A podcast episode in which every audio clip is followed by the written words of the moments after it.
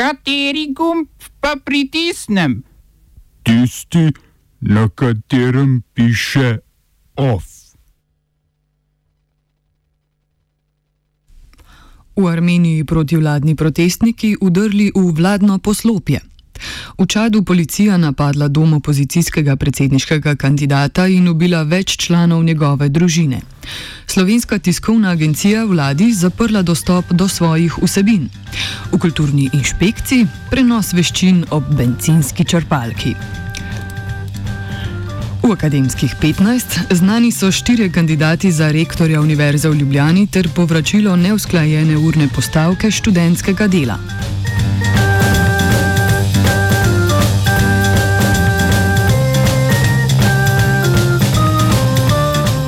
Iran je zavrnil pogovore z Združenimi državami in Evropsko unijo o jedrskem programu. Govorec iranskega zunanjega ministrstva Said Hatib Zadaj je izjavil, da v luči nedavnih potez obeh zahodnih sil Iran misli, da ni čas za sestanek. V Iranu namreč smatrajo, da morajo američani narediti prvo potezo in odpraviti sankcije, ki jih je v okviru taktike maksimalnega pritiska uvedel bivši predsednik Donald Trump po enostranskem odstopu ZDA od jedrskega programa.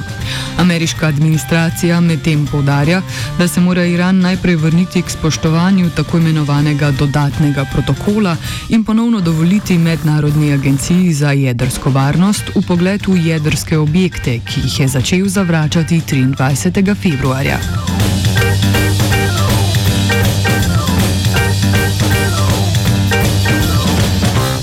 Medtem se nadaljujejo posredni spopadi med Iranom in Izraelom. Izrael je Iran obtožil petkovega domnevnega napada na svojo tovorno ladjo Helios Rej v Omanskem zalivu.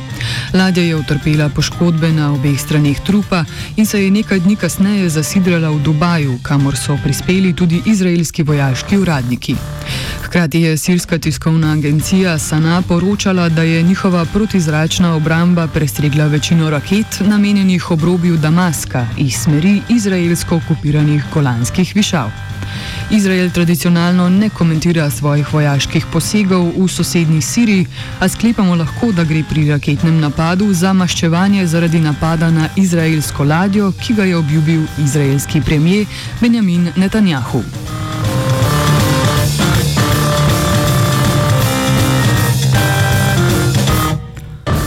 V Armeniji so danes zjutraj protivladni protestniki udrli v vladno poslopje. Drama v prestolnici Jerevan, ki se še odvija, sledi rivalskim protestom, enim za podporo, drugim za odstop premijeja Nikola Pašinjana.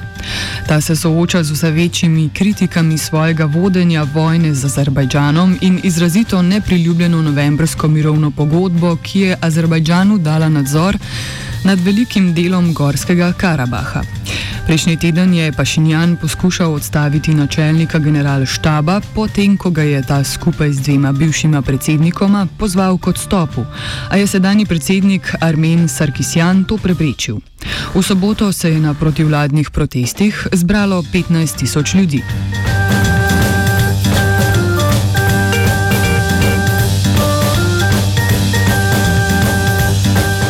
Čadu so varnostne sile udrle v dom opozicijskega kandidata na prihajajočih aprilskih predsedniških volitvah Jaje Diloja in ubile več članov njegove družine. Dilo je novinarjem sporočil, da so njegovo hišo zgodaj v nedeljo napadli pripadniki predsedniške garde, ki jo vodi sin predsednika Idrisa Dejbija, in da so v napadu ubili njegovo mamo, sina in tri druge sorodnike. V vladi so dejali, da je šlo za poskus aretacije Diloja, ki naj se ne bi odzval na pozive pravne narave in da je on streljal prvi, na kar so policisti odgovorili. V izmenjavi ognja so bili ubiti tudi trije policisti. Dilo je sicer nekdani uporniški voditelj, ki je bil v preteklosti udeležen v vojaških spopadih s sedanjim predsednikom, bil potem minister v njegovi vladi, zdaj pa je opozicijski kandidat za predsednika.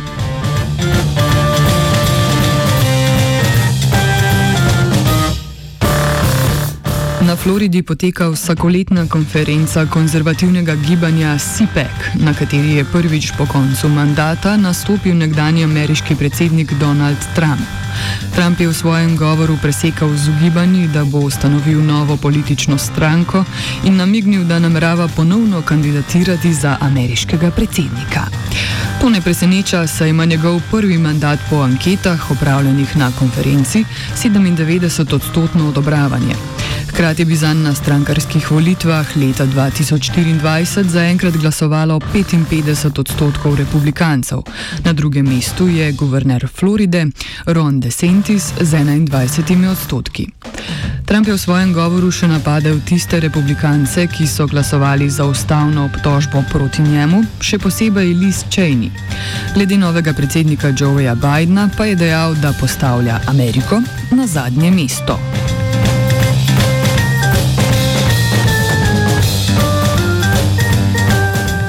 Mačarski premijer Viktor Orban je napovedal izstop iz Evropske ljudske stranke, če bo ta sprejela nova interna pravila. Orban je v pismu Manfredu Webru, vodji poslanskega kluba tega bloka evropskih konzervativcev, sicer največji stranki v Evropskem parlamentu, sporočil, da bo Fidesz sam izstopil iz bloka, če bo ta v sredo izglasoval nova pravila, ki dovoljujejo njegovo izključitev. Fidesz je bil že leta 2018 suspendiran iz Evropske ljudske stranke, a ima pod okriljem še vedno 11 poslancev. Orban je sicer prejšnji teden poslal pismo stranki Italijanski bratje, članici desnega bloka evropskih konzervativcev in reformistov, kar mora biti nakazuje, da išče nove zaveznike desno od Evropske ljudske stranke. Evropska ljudska stranka bi tudi po odhodu poslancev Fideša ostala največja stranka v Evropskem parlamentu.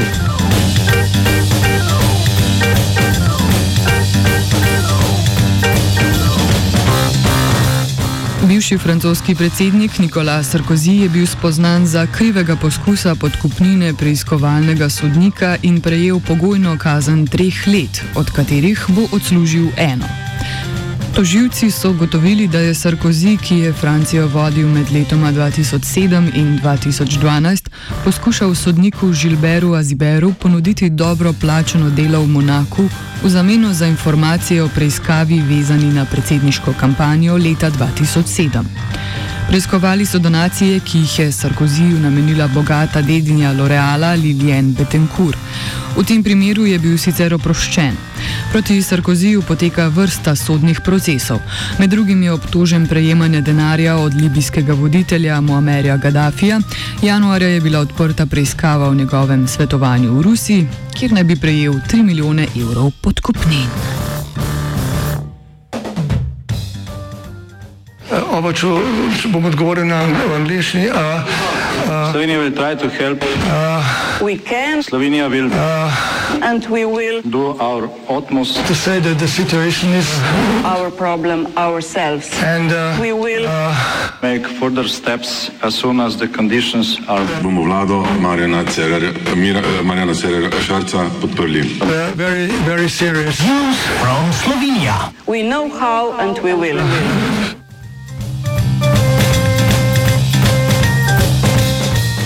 Slovenska tiskovna agencija je vladi prvič po osamosvojitvi zaprla dostop do svojih vsebin. Vlada z agencijo letos ni sklenila nove tržne pogodbe, a ji je slednja kljub temu do konca februarja ponujala neomejen dostop do novinarskih in arhivskih vsebin. Pogodba je poleg novic v slovenskem in angliškem jeziku vključevala tudi možnost objave novic na vladnih spletnih straneh, dostop do arhivskih fotografij in druge storitve. Vladni urad za komuniciranje je zavrnil tudi plačilo nadomestila za januar, kar mu sicer nalaga zakon. Ne glede na vse okoliščine, STA še vedno nemoteno opravlja svoje obveznosti. Več v offsajdu ob petih.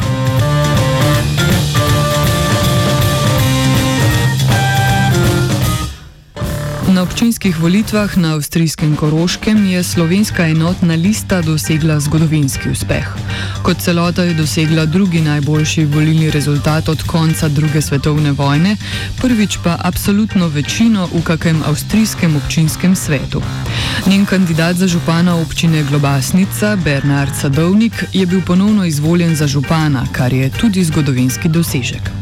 Dosedanji župan železne kaple, Franc Jožef Smrtnik, se je uvrstil v drugi krok volitev, ki bodo 14. marca. Pripadniki slovenske narodne skupnosti so sicer nastopili tudi v drugih listah.